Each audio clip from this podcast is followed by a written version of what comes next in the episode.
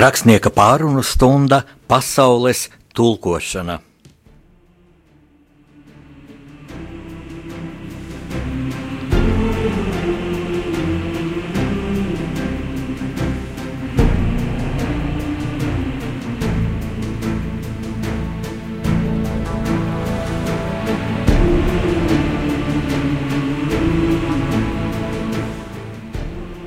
Lai slavēts Jēzus Kristus! Ar jums kopā Rādio Marija Latvijas studijā tātad Jānis Udrs, rakstnieks, vairāk vēsturisku romānu autors. Ir jau rudens iestājies pilnās savās tiesībās. Vakar aizvien garāki, aizvien zestrāki. Rudens jēdziens saistās arī ar veļu laiku. Un tā pārdomājot pēdējo nedēļu notikumus, es iedomājos, ka šis jēdziens veļu laiks mūsu galvās saistās arī ar lielu sajukumu daudziem no mums. Neuzņemiet, lūdzu, mīļie kristieši, to personiski, bet te jaucas gan uh, kādas senas tradīcijas ar folkloras elementiem, ar, ar mm, ar, ar, arī ar tādām, tādiem varbūt paradumiem, kas kristiešiem nevisai pieņemami. Mm, bet vēl vairāk mani eh, satrauc un sarūktina tas, ka ienāk tagad arī, kad nu, Latvijā ir kritis šis dzelzs priekškars, kas bija padomju okupācijas laikā, ienāk kādas citu tautu tradīcijas, kas galīgi nav latviešiem raksturīgas, piemēram, šī Helovīna nakts, kad, kad Kad, nu, pamatā es esmu pamanījis, ka pie mums arī bērni ar to māžojas, tur izdobi ķirbis un izgriež uh, acis, un tā iznāk tā kā tāda miroņa galva un, un uzliek galvā. Un man arī nākuši vecrīgā klāt tādi, tā teikt, izdēļojušies eh, bērniņi un saka, vai nu saldumus vai, vai, iz, vai izjokosim. Nu, nekas tur nebūtu tāds ļauns un, un nevar jau to arī aizliegt, bet mm, es domāju, tā tomēr ir eh, mūsu pieauguša atbildība, kādās tradīcijās mēs audzinām savus bērnus. Un, aizliegumi manā pieredzē nevisai laba metode ir, jo es zinu, ka tas aizliegtais auglis tas saldākais. Un vienkārši darīs to tā, kā, kā vecāki neredz. Bet es domāju, bērniem ir ļoti jāskaidro, ka latviešu mentalitāte ļoti dziļa ir cieņa pret mūsu mīļajiem aizgājējiem. Un vispirms šim jēdzienam veļu laiks, manā pārliecībā, ir jāsaistās ar ļoti godu bijīgu, godu pilnu cieņu pret mūsu mīļajiem aizgājējiem, un kas arī principā, kas pilnībā sasauc ar, ar kristīgo morāli. Es nebūtu nesāku šo raidījumu pesimistiski, kas būtu pret tādu, pret tādu, nu, pret radio programmas eh, tādiem pareiziem eh, principiem, jo nāva aiziešana mūžībā, aiziešana pie Dieva, Tas jau ir tas, eh, kas eh, ir jebkuras dzīves loģisks noslēgums un būtībā mm, dzīvības turpinājums citā dimensijā, citā kvalitātē, kuru mēs visi piedzīvosim, par kuru pašlaik mums ir nu, visai tādi nekonkrēti priekšstati un tuvākos priekšstats mēs par to varam gūt no kristīgās mācības, no, no Bībeles, no saviem garīdzniekiem. Uh, ir tā, ka pēdējās nedēļās man nācās eh, būt klāt, kad uh, tika viņā saulē aizvadīti, es teiktu, labākie no mums. Un pirmais tāds gadījums, kas pārskanēja visu Latviju, bija atvadīšanās no izcila sporta žurnālista Artūra Vaidera, kur es arī pazinu, pazinu viņa brīnišķīgo ģimeni. Man ļoti dziļi iekrita sirdī atvadas no Artūra Tas bija 7. oktobrī, tieši nākamajā dienā pēc manas iepriekšējās runāšanas ar jums šeit, Radio Marija Latvija, mm, ēterā. Mm, tas notika Rīgas lielajā krematorijā, tur izvadīja katoļu priesteris, un bija ārkārtīgi dziļa sirsnība, ārkārtīgi daudz ziedu, un jau priestera vārdos skanēja ļoti dziļa doma par to, kādus darbus mēs atstājam uz zemes, kādas jūtas mēs atstājam šeit savā zemes gaitās, un ka galvenais kritērijs šeit ir mīlestība. Un tad mani ļoti aizkustināja tas moments, ka priesteris pēc tam aicināja mums viss, kad esam atvadījušies no Artura Vaidera, atstāt šo sēru namu, jo Arturs tika pārpelnots. Un uh, ziedus, paņemt savu ziedus atkal no, uh, ko bijām nolikuši pie šķirsta, un aiznest turpat blakus brāļa kapos pie mātes Latvijas pieminekļa jo tā vēlējās Artur Vaidara tuvinieki. Un tad izvērtās tāda ļoti skaista tā kā bēra procesija, ka mēs gājām gan ne tādā vienotā gājienā, bet grupiņās, sarunādamies arī par savām ikdienas gaitām, par darbiem, kas darām, tur diezgan lielu gabalu līdz māca Latvijas tēlam brāļa kapos un nolikām ziedus. Un tad otrs, otrs uh, aspekts, kas man ļoti palika prātā, no bērnu mīlestības, kurā pēc Artur vēlēšanās viņa draugi, viņa kolēģi dalījās atmiņās par šo cilvēku.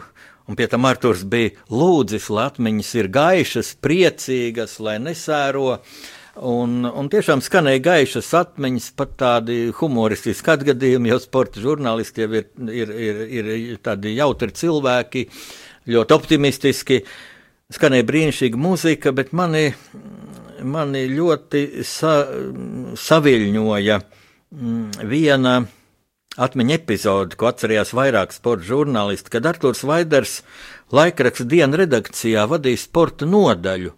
Un šajā nodaļā bija vairāki žurnālisti. Viņš bija nodaļas vadītājs, un viņa vadībā strādāja vairāki kolēģi jaunāki par viņu, kurus viņš arī pats bija tur aicinājis darbā. Uh, Un pienāca tāds brīdis, šis laiks jau avīžniecībā ir grūts, mm, ekonomiskā ziņā vispirms.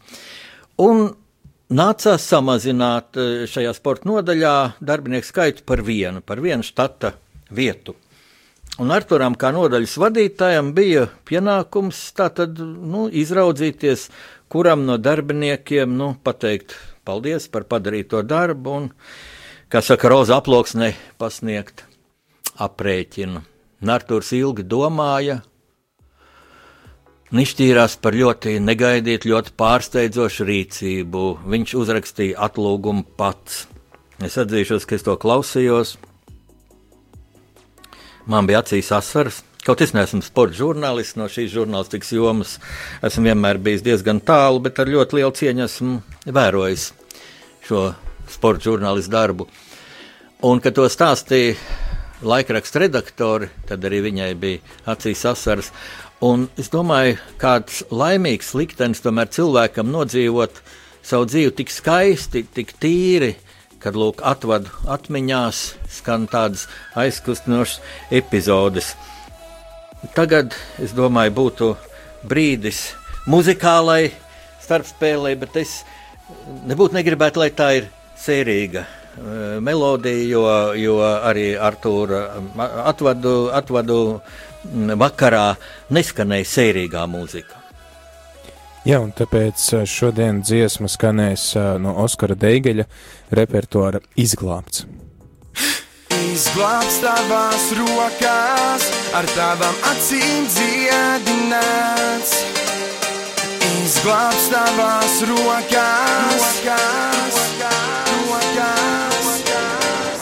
Kā riedoša saule ir lūkšana manējā, es atvaru plaukstas un ielieku tavējās. Vienalga, ko citi teic, es nespēju neredzēt, tu esi šeit. Maskās krīt un pagātne līdzi īsts. Ir mirklis, kad dienas svīt un gaisma tāk no tevis tāk izglābts tavās rokās, ar tavām acīm dziedināts. Izglābts tavās rokās, ar tavu vārdu spēcināts. Es ceļu rokas augstu debesīs,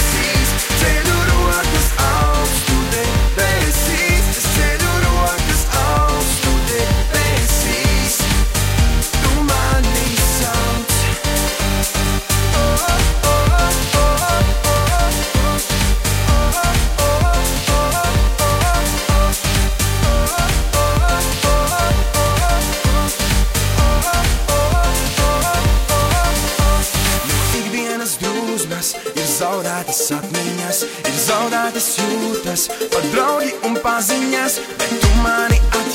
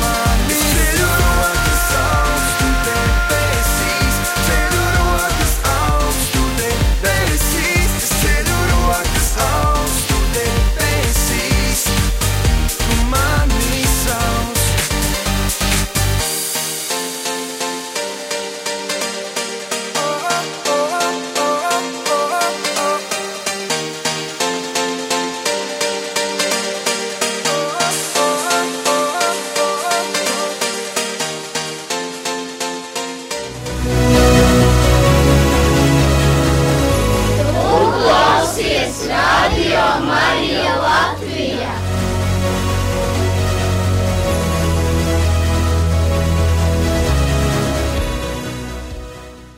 Skan rakstnieku pārunu stunda pasaules tulkošana studijā Jānis Udris. Ja jums ir kādi jautājumi, jūs varat pa telefonu sūtīt īsiņas, jeb SMS uz numuru 266 77 272. Atkārtoju 266 77 272 vai arī rakstīt mm, uz e-pastu studija at rml, tātad rādījumā arī Latvijas, saīsinot rml.lv. Mums ir ziedojuma tālrunis 900 67 69. Tātad 900 67 69. Ja, ja piezvanīsiet uz šo numuru, būsiet snieguši atbalstu Radio Marija Latvija, jo mm, šīs programmas veido brīvprātīgo darbs. Arī tā, tādējādi jūs kļūsiet par Radio Mariju Latviju atbalstītājiem, savā ziņā raidījumu veidotājiem. Es sāku ar mūsu mīļo aizgājēju piemiņu, un tam ir vēl viens iemesls. Mm, Man tagad jau ir trīs vēsturiski romāni un viena zinātniskās fantastikas grāmata pusauģiem Latvijas dzīvā vēsture tīņiem. Ir pilnā nosaukuma Melders un Matīsa ceļojums vēsturē, eh, kur ir, kur ir pusauģiem tādā mm, saistošā mm, eh, sižetā eh, izklāstīta visa mūsu valsts vēsture. Un man ir bieži tikšanās ar uh, lasītājiem, skolās, bibliotekās. Un tad nereiz vien izskan tāds uh, jautājums, kur jūs, cienījamu rakstnieku, ņemat faktus saviem romāniem? Es atzīšos, ka tas jautājums mani uh, mazliet kaitina, mazliet uzjautrina, jo Jo nav tā, kā lasītāji varbūt iedomājas, ka es ar lāpstu pār plecu, ka tāds sprīdīts kaut kur ej pa, pa seniem pilskalniem un roku, ro, roku arheoloģisks izrakumus un kaut ko pēt un kaut ko jaunu atklāju. E, ļoti iespējams, ka, ka dabīgais stāvoklis būtu tāds, ka rakstniekam tiešām vajadzētu mēnešiem ilgi sēdēt arhīvos, lai atrastu kādu faktu, bet ir tāda pārsteidzoša, mazliet biedējoša mm, parādība. ka cilvēki gluži vienkārši nezina mūsu vēstures faktus. Un rakstniekam, tad, ja viņš nu, gluži vienkārši no vēstures grāmatām, nu, varbūt ne tām populārākajām, bet retākām vēstures grāmatām, jā, arī pasēžot arhīvā, jā, palasot uh, Nacionālajā bibliotekā, mm, veci savījuši komplekts, šos faktus atrod. Nav jāizdara nekādi arheoloģiski izrakumi, nekādi unikāli atklājumi. Pat ļoti augsti zinību vīri man ir prasījuši, kur es ņēmu faktus savam romānam. Mm, Ulmanis, Lielā Kārļa testaments, kur ir aprakstīta Latvijas okupācija 1940. gadā, un Kārļa Ulmaņa mūža pēdējie divi gadi līdz viņa nāvei 42. gada 20. septembrī. Mm, šajā grāmatā ir plaši citētas Kārļa Ulmaņa trimdā Vorošīlovskā. Padomju Savienības pilsētā Vorošīlovskā, kur viņš bija vienu gadu tādā piespiedu administratīvajā nometinājumā, ja vienkārši sakot, mājas arestā. Viņa rakstītās piezīmes. Un uh, tikpat plaši tur ir citēti viņa pratināšanas protokoli mūža pēdējā gadā, jo uh, 1941. gada jūlijā, kad Padomju Savienība bija uzsākusi karu, kad, kad Vācija bija uzsākusi karu pret Padomju Savienību, uh, Ulmans tika arestēts, tika pratināts. Kā es savā analīzē, faktu analīzē mm, izsacināju, tika nežēlīgi spīdzināts. Nu, lūk, šie pratināšanas protokoli. Pra, plaši, plaši citēti, mm, tieši lai parādītu šo baiso dialektiku, kā cilvēku spīdzinot, piespiež arī parakstīt diezgan absurdas kaut kādas trafaretes padomju mm, sistēmas apgalvojumus. Nu, man par to ir prasījuši, nu, kā šādus slepens dokumentus uh, rakstnieks varēja dabūt. Ļoti vienkārši es paņēmu Latvijas Republikas Vēstures institūta uh, 1994. gadā izdoto mm, grāmatu, e, grāmatu Kārls Ulmanis trimdā un cietumā. Šāda grāmata ir izdotā, stāv biblioteka plauktos, noputējis, neviens to nezinu, kāpēc nelasa. Lūk, interesi trūkums par mūsu vēsturi. Un man tas cieši saistās ar šo jēdzienu, ko es sāku veļu laiks, lai kā mēs šo laiku sauktu, bet teiksim, tas ir tāds rudens pārdomu laiks, kad mēs atceramies savus aizgājējus, gan savus mīļos tuviniekus, gan arī mūsu valsts vīrus, kur ir bijuši ļoti dažādi. Mm, mana pirmā vēsturiskā romāna varonis Zifrits Anna Mērovics bija nu, viennozīmīgi ļoti pozitīvs, ļoti atzinīgi vērtēts politiķis. Tāds cilvēks, kuram pat eh, nebija, eh, nebija ienaidnieku parlamentā, jo Mērovics bija arī parlamenta deputāts no Zemnieku savienības, bet viņš ļoti, ļoti draudzīgi varēja sarunāties arī ar ar pilnīgi pretēju uzskatu partijas sociāldemokrātu pārstāvjiem, piemēram, ar Bruno Kalniņu, Bermontiādas laikā, kad Latvijas valdība vienu brīdi bija pārcēlusies uz cēsīm, daļa ministriju, un braucot no Cēsīm uz Rīgu, Meirovits sastapa mm, Cēsu dzelzceļa stacijā uz perona. Bruno Kalniņu kurš, kuram vajadzēja nogādāt uz Rīgu vienu paku ar sociāldemokrātu avīzi. Un pats viņš nevarēja braukt, un viņš nu, nezina, kam iedot, kam iedot. Nevienu no tā vilciena nepazīst. Un viņš uzrunā Mērovics, Mērovics, kungs, vai jūs neaizvestu avīzi? Mērovics saka, jā, labi, es aizvedīšu. Un tad viņi abi saka, nu, lai Dievs jums palīdz, lai Dievs palīdz Latvijai. Lūk, ļoti smagā Latvijai brīdī divi ļoti, ļoti atšķirīgi politisku uzskatu cilvēki vienojās tādā ļoti cilvēcīgā mm, izpalīdzēšanā. Nu, vai mans romāns, kur es tikko pieminēju par Kārlu Ulmani, daudzi mm, šo politiķi ārkārtīgi nosoda un daudz savukārt dievina. Un tad nu netiek skaidrībā, kāda ir Jāņa Udara pozīcija. Un mana pozīcija ir uh, kristie, kristieša uh, cienīga, es teiktu, jā, kristieša attieksmes cienīga vēlēšanās izprast Kārlu Lulmanu un vērtēt dialektiski, vērtēt taisnīgi, dodot šim cilvēkam pelnīto cieņu par milzīgu ieguldījumu. Varbūt pat vislielāko ieguldījumu no visiem politiķiem Latvijas valsts nodibināšanā 1918. gada 18. novembrī. Un šis milzīgais priekšdarbs tam, kas bija. Ja, ja lietot šodienas um, terminoloģiju, kad politiskās partijas tiek raksturots tā šai partijai tā lokomotīva, nu, to, to redzamāko politiķi, bieži vien arī enerģiskāko, ietekmīgāko minot par to lokomotīvu, lai gan tagad tie kriteriji pavisam citi, kā toreiz, kad tika dibināta Latvijas valsts, kas bija politiskā ideālisma laiks, un es nezinu, tagad tas ir politiskā, labākā gadījumā pragmātisma, bet ļoti bieži politiskā cinisma laiks. Nu, Lūk, Ulmanis bija Latvijas valsts dibināšanas idejas lokomotīva. Es domāju, Kārlu Ulmanu, protams.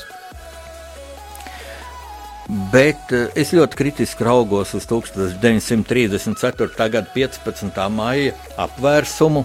Es ļoti rezervēti raugos uz tādu mītu, kad pēc tam iestājās seši ļoti dziļas labklājības gadi. Jā, protams, eh, ekonomika ļoti gāja uz augšu. Kārls Ulmans bija ļoti prasmīgs, gudrs, gudrs valsts eh, saimnieciskās dzīves vadītājs. Viņam nebija vairs jāsastopas ar kādiem šķēršļiem parlaments, ko varētu likt, jo parlamentu viņš bija atlaidis.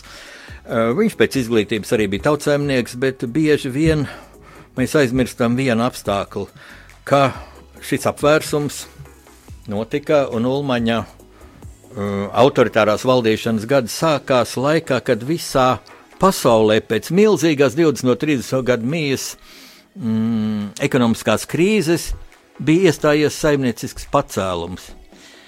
Rietumē Eiropas valstis gatavojās karam, Vācija, Anglija, Francija.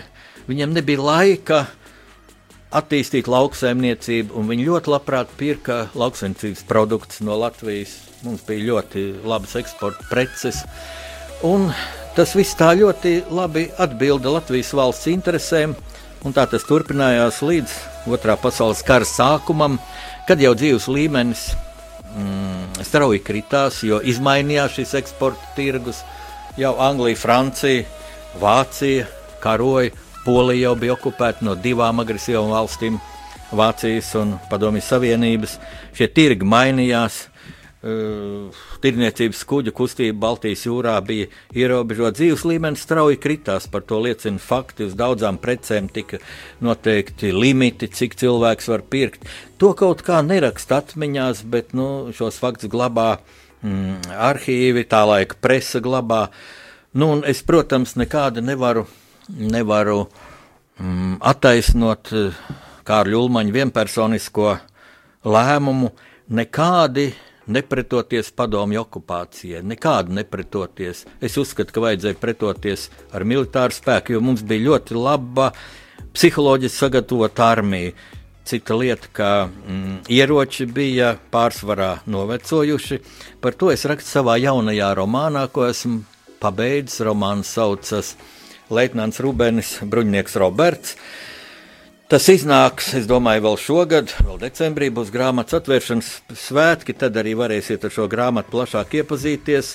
Mm, bet nu, šajā grāmatā arī ir analizēts iespējas, kad Latvija ļoti, ļoti mm, sekmīgi, varbūt nebūtu īstais vārds. Mums beidzot, vai, beig, beigās tomēr vajadzētu kapitulēt padomu senības pārsvaru priekšā, tāpat kā to nācās darīt Somijai. Bet, bet vismaz varēja parādīt savu stāju, mm, pašapziņīgu stāju un karot. Jā, pēc tam padoties, varbūt noslēgt pamieru.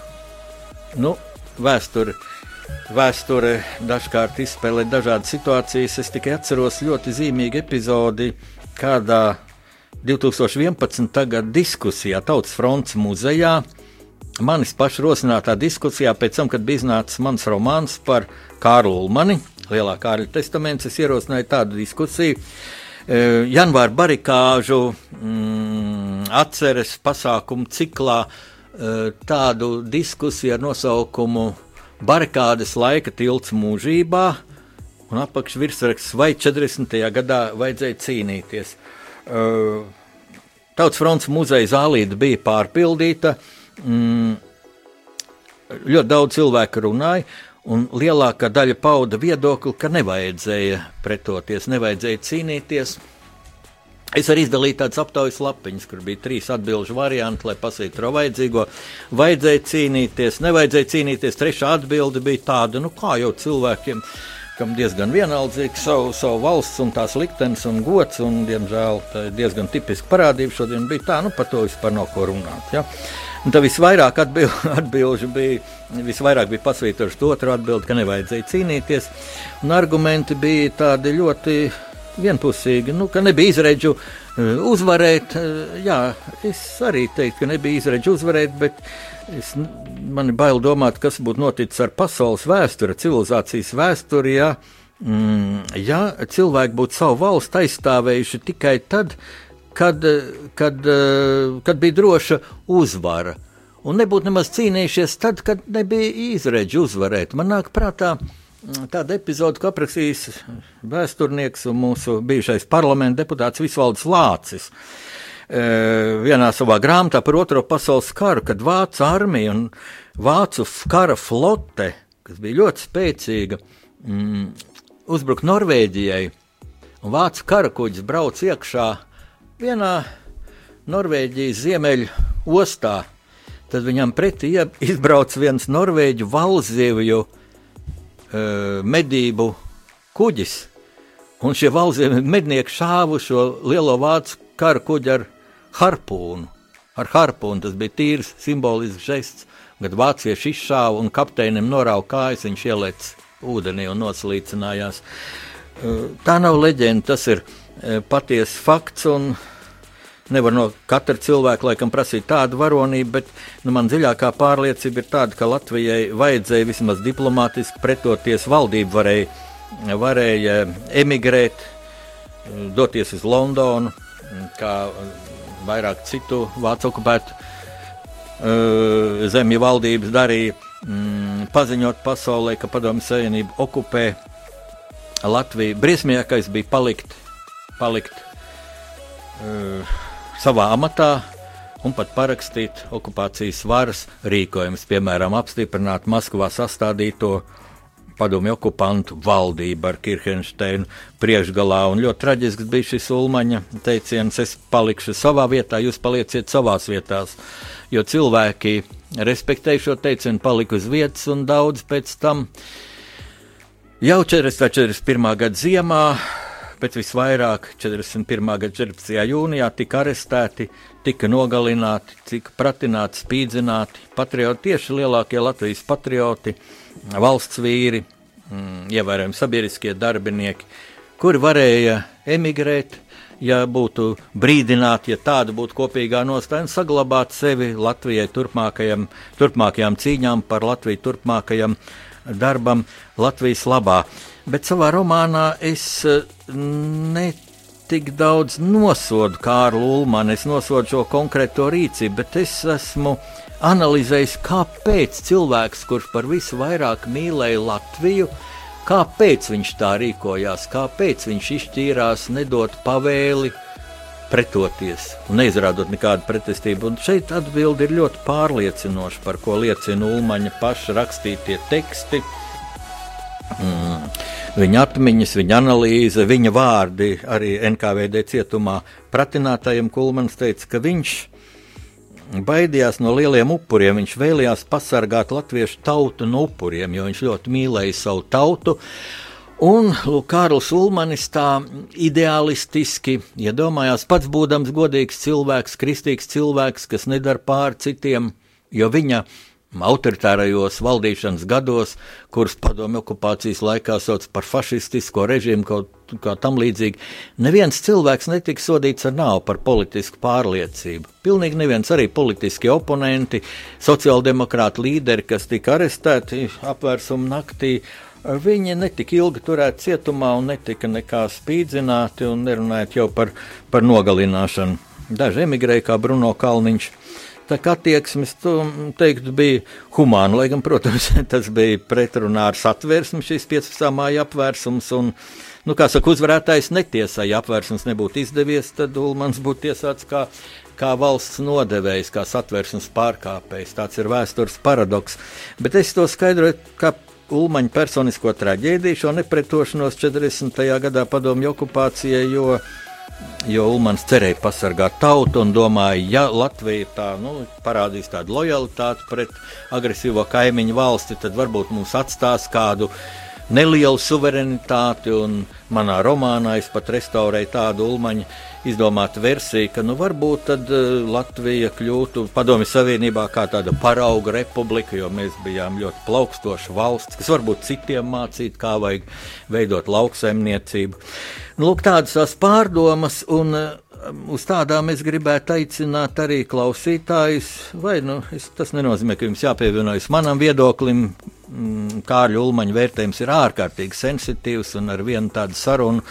Es nevienu nepārliecināšu, un tas arī nav mans mērķis pārliecināt, lai visi domātu kā es. Nu, mēģiniet mani pārliecināt par citu viedokli, bet tas jau tad būtu iespējams vienīgi tiešā sarunā, un pārliecināt par citu viedokli laikam nebūtu iespējams. Es nekad laikam nenostātos vai vienā vai otrā no šiem pol polāri pretējiem viedokļiem. Vai nu viennozīmīgi slavināt Ulmani, ka tas bija spožākais, spilgtākais valsts vadītājs. Nu, nevar par spožāko valsts vadītāju saukt politiķu, kurš valsti palīdzēja, piedodiet, iznīcināt. Ja? Nu, vai arī nosodīt par kaut kādu fašistu un briesmoni, ja tas gluži vienkārši neatbilst faktiem. Tāds Kārls Ulmans nebija. Jo vairāk tādēļ, ka Ulmanim nav zināma kapa vieta. Pareizāk varētu teikt tā, viņam ir kapa vieta, kur viņš pats bija izvēlējies, tas ir Bērzes kapos, pie viņa vecākiem, bet nu, tur Kārlis Ulmans neguļ, viņa kapa vieta nav zināma. Savā romānā es rakstu, kā Kārlu Ulmanu NKVD cietumā nošāva. Tā ir atkal plašāka saruna, jo mūsu vēsturnieki nezina, kāpēc tā nekritiski ir pārņēmuši un pat bez atsauces uh, publicē un tiražē tālāk šo čekas versiju, ka Kārlis Ulmans nomira cietumā, nomira uzreiz no trim slimībām. Tas ir uh, apliecināts tādā ļoti, ļoti kļūdainā čekas cietuma ārsta un cietuma priekšnieka vietnieka sastādītā aktā. Es uz to raugos ļoti kritiski, jo, jo kā zināms, mm, čeka ļoti daudz dokumentus viltoja, īpaši par cilvēku nāvi, lai nu, neparādītu šie viņa noziegumi.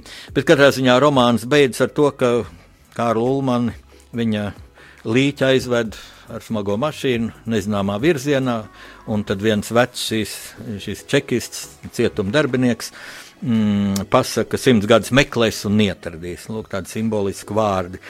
Un par šādu mūsu politiķu gan Cildenu, kā Zikfrīds Anna Mērovics, gan traģiski pretrunīgi kā Kārls Ulmans, piemiņu par viņu darbiem, par viņu mantojumiem, par viņu sasniegumiem, par viņu kļūdām. Arī es domāju, īstā reize ir domāt tagad rudenī, kad mēs pieminam savus mīļos aizgājējus. Nu, tagad brīdis muzikālām, muzikālai atslodzei un pārdomām par mūsu vēsturi. Jā, un tagad uh, klausīsimies jaunāko jēru dziesmu brāļi, priecājieties kungā, un ja gadījumā jums ir kādi jautājumi vai arī komentāri par to, ko rakstnieks Jānis Udris stāsta šodien šā, šajā dienā par Kārlu Ulmani un par šīm vēsturiskajām lietām, tad droši varat zvanīt mums uz ēteru 679 69 131 vai arī rakstiet īsiņas uz tālruņa numuru 266, 77, 272, vai arī rakstiet e-pastu uz studija at rml.clv. Bet tagad laiks dziesmai.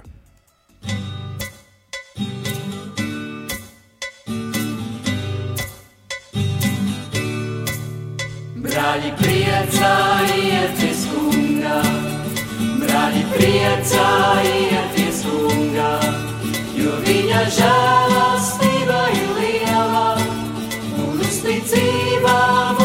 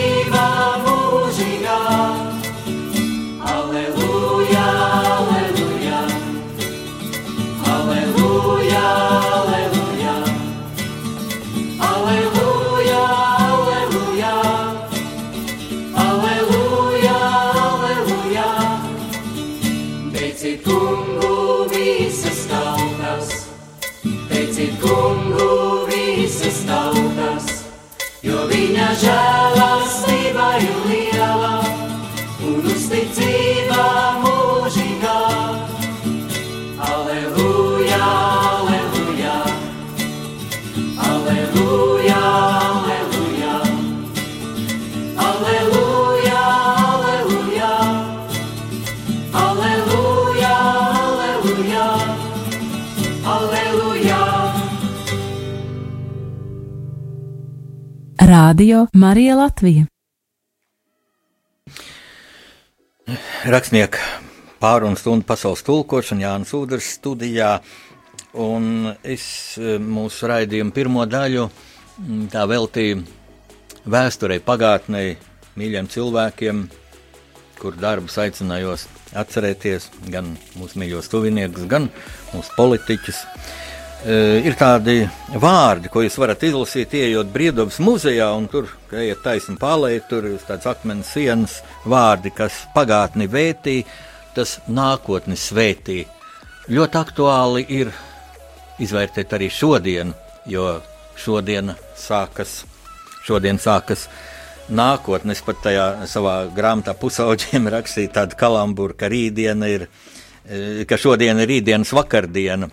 Eh, Nu, tā tas ir, kad eh, jau šī raidījuma sākums, kas bija tātad pirms 30, 38 minūtēm, šobrīd jau ir vēsture. Vēsture, kur mēs varam tikai atcerēties, vērtēt. Ja jums ir kādi jautājumi, tad jūs varat atsūtīt SMS vai vēstuli. Es atbildēšu, acīm redzot, nākamajā raidījumā pēc divām nedēļām, jo šis raidījums jau tuvojas beigām. Um, bet ļoti svarīgi ir izvērtēt šodienu. Pašlaik notiek tāds ļoti svarīgs process. Latvijā tiek vērtēts nākamā gada budžets, un atkal kā ik gadu es personīgi šeit redzu šī budžeta mm, sastādījumā ārkārtīgi lielu tuvredzību, ārkārtīgi lielu tuvredzību, un, un eh, mums vajadzētu caur tieši šo budžetu, caur šāda ikgadēju budžeta nu, tuvredzīgu, tuvredzīgu to konceptuālo uzbūvi, e, arī paskatīties uz saviem politiķiem. Atbilstoši radio arī Latvijas tradīcijā mēs neslavēšu un nepelšu nevienu konkrētu partiju, nevienu konkrētu politiķu, tā būtu reklāma, bet, nu, godīgi kristīga attieksme prasa arī attiecīgi vērtēt, padarīt to darbu.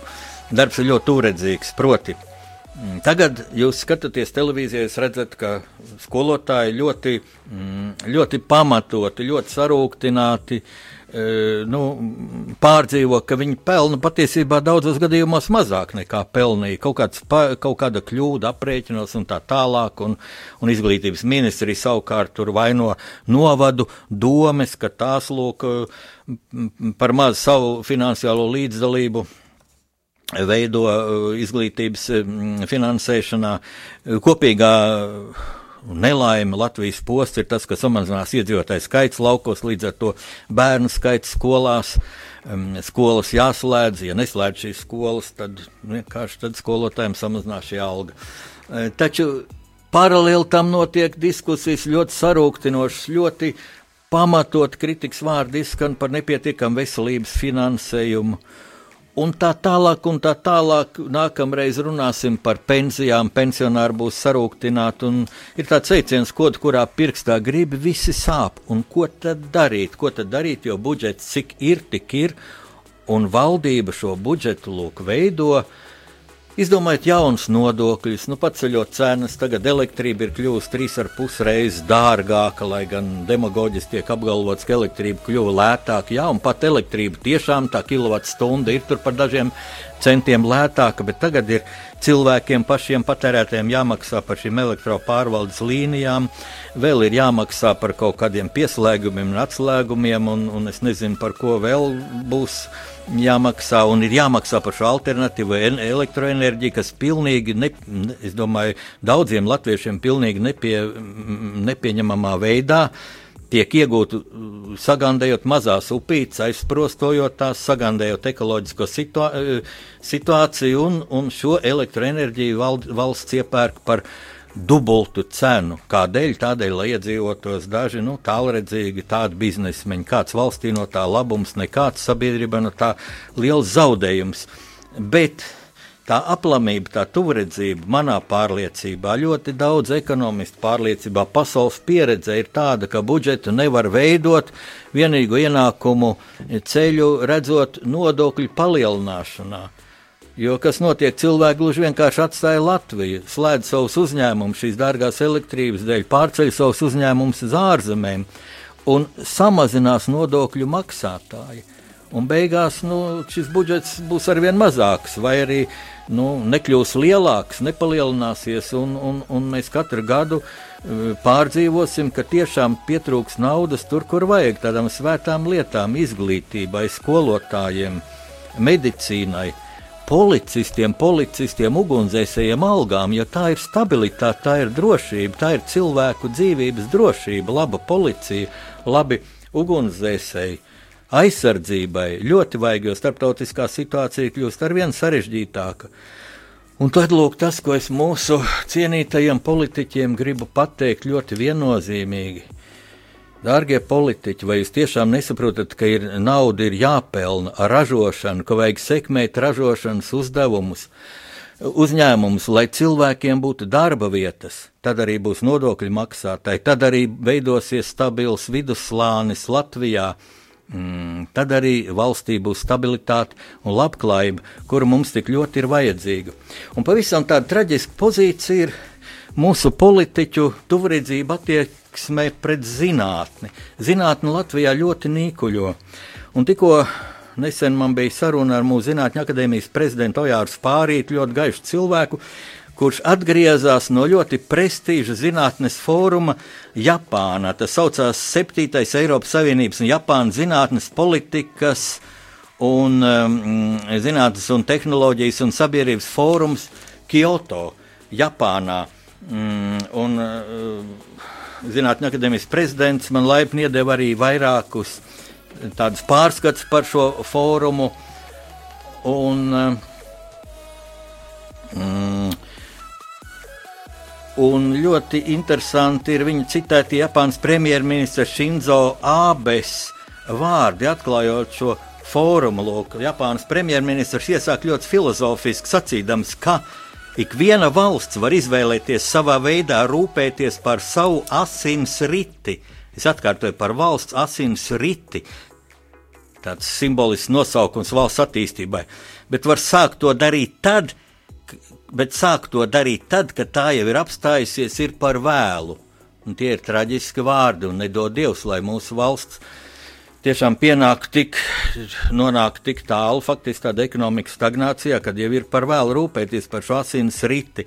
Nu, šajā fórumā tik ļoti uzsvērta zinātnes sasnieguma loma, jauno tehnoloģiju loma valsts labklājības sekmēšanā. Uh, Un, uh, lūk, Japānas premjerministrs arī teica, tā valstī, kur apzinās savu turpmāko virzību uz attīstību, nedrīkst tik palaist garām neviena iespēja ar zinātnes palīdzību veikt uzlabojumus sabiedrības labā, jo nākotne ir tepat aiz stūra. Burtiski tādu vārdu - future is around the corner. Nākotne ir tepat aiz stūra. Uh, varētu domāt, nu, ko Latvija ir maza valsts, kādu mēs zinātnē varam attīstīt. Tas ir pilnīgi smuļķības, pilnīgi aplama tā domāt, jo Latvija ir arī izcila zinātnes valsts, ja pastamies vēsturē. Un bija tāds paradoks 30. gados, nu visi būs dzirdējuši unikālo pasaules labāko miniatūro fotoaparātu VF Minox, kuru VFā ražoja 30. gadu otrajā pusē.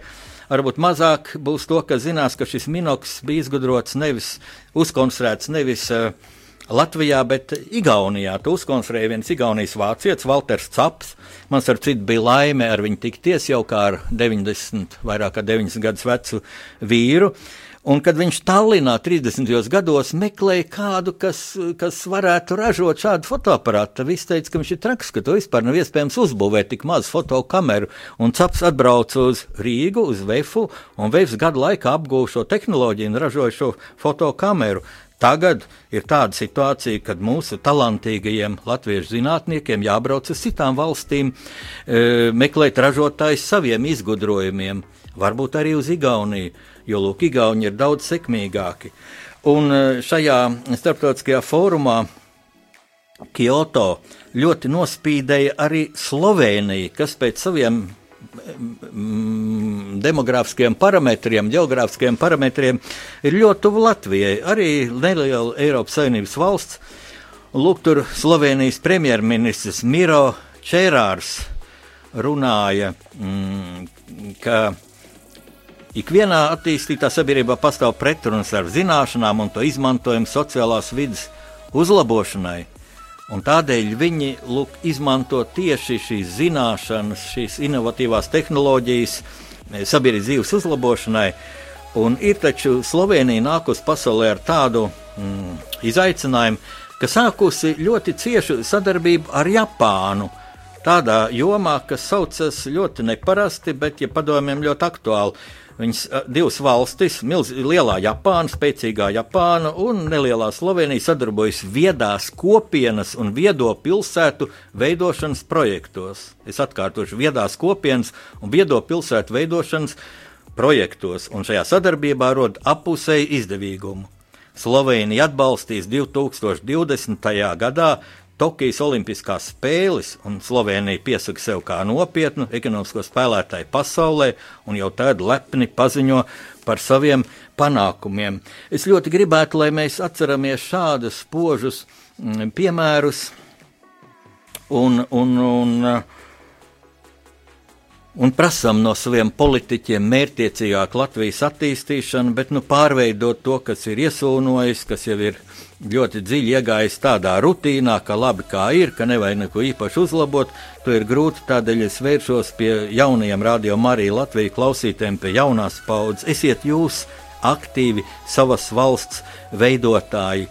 Mm, man šeit priekšā ir arī nesen mūžībā aizgājuši arī šoruden, 28. septembrī, mira uh, Izraēlas devītais, pēc skaita devītais prezidents Šimons Pēres. Man ir manā rīcībā Šimona Pēres runa, kas teikt tikai pirms gada, 15. gada 11. septembrī, Eiropas stratēģijas konferencē Kijevā. Man nebūs laika dziļāk pakavēties pie šīs runas, bet tā bija veltīta galvenokārt jauniešiem. Un Šimons Peres te sāk ar to bezcerīgo situāciju, kādā bija Izraels valsts, kad tā tika nodibināta. Mēs bijām vientuļi, mums nebija ne ticības brāļu, ne valodas māsu, ne kaimiņu ar līdzīgu vēsturi, un tas viss noris, norisinājās drīz pēc holokausta. Mēs ieradāmies Izrēlā un nezinājām, ko iesākt, patiešām nezinājām. Un mēs padomājam, vislielākā dabas dāvana ir cilvēks Cilvēki ir darījuši zemi bagātu, nevis zeme cilvēku. Un mēs visi kļuvām par zinātniekiem. Katrs Izraels fermers, katrs savā kibucā sāk domāt, kā attīstīt lauksēniecību bez ūdens, jo viņam nebija ūdens. Un tad Šimons Peres saka, ja nav ūdens, mēs domājam, kur to iegūt. Mēs sākām atsāļot jūras ūdeni. Un Izraela, kad svinēja savu 50 gadu jubileju, tad Izraels vēstnieks Latvijā, toreizējais vēstnieks Odets Benhurs, man teica, iedomājieties, Udrakungs, ka mēs mazā Izraēla, kas sākām niedzīvot tā tuksnesī, kur mums katram augļu kociņam bija jāpievada ar, ar caurulītu ūdens, ka mēs tagad audzējam uh, rozes un eksportējam uz rietumu valstīm. Mēs eksportējam šokolādu uz Šveici, mēs eksportējam alu uz Vāciju. Lūk, to sasniedz maza strādīga tauta, un ļoti interesanti ir Šimona Peres vārdi arī to. Viņš saka, ka Mēs ļoti daudz nositām laiku. Pēres teica, tā, ļaudis dodas atvaļinājumā, bet tā ir tīrā laika nosīšana. Man jau ir 90 gadi, un es vēl nekad neesmu bijis atvaļinājumā. Man saka, vai tu esi prātīgs, kad tu atpūtīsies? Bet es dodu priekšroku darbam. Es darbā gūstu prieku. Nesiet pesimisti, jo tā ir arī tukša laika šķiešana. Tīpaši laikā, kad notiek pārmaiņas. Un es, protams, nedomāju, ka visiem vajadzētu atteikties no atvaļinājumiem. Ne katrs to spētu fiziski, ne katra, ne katra veselībai tas nāk par labu, bet vienkārši arī šādi cildeni piemēri ir. Nu, mans laiks. Iet uz beigām, kāds klausītājs Jūras no Rīgas jautā, ko darīt šodien, lai nebūtu kā Ulmanim, kas sēž un neko nedara. Jūra, es saprotu, ka jūs domājat eh, Kārlu Ulmanu, kur es pieminēju. Paldies, tas ir labs jautājums. Es apsolu atbildēt nākamajā reizē pēc divām nedēļām, jo tagad man ir raidījuma pēdējā minūte, tad vēl būs jums muzikāli attēlu atpūsties no manis runātā, e, bet es šo jūri jautājumu atcerēšos, tas ir ļoti būtisks. Jā, tā tad, lai nebūtu kā Kārli Mulmens sēž un neko nedara, jūs tad jūri domājat pēc tam, pēc padomju okupācijas, kad 40. gada 17. jūnija naktī Rīgā ienāca uh, padomju tanki.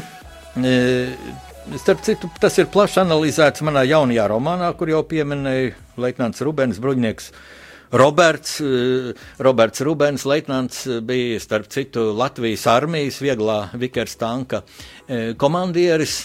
Un viņa pārdomas, ko vajadzētu darīt, ko Ulmanim vajadzētu darīt, apsolu par to runāt pēc divām nedēļām. Tātad rakstnieku pārunu stundā pasaules tulkošana. Mīļie klausītāji, lai Dievs jūs svētī un sargā! atkal sadzirdēsimies pēc divām nedēļām.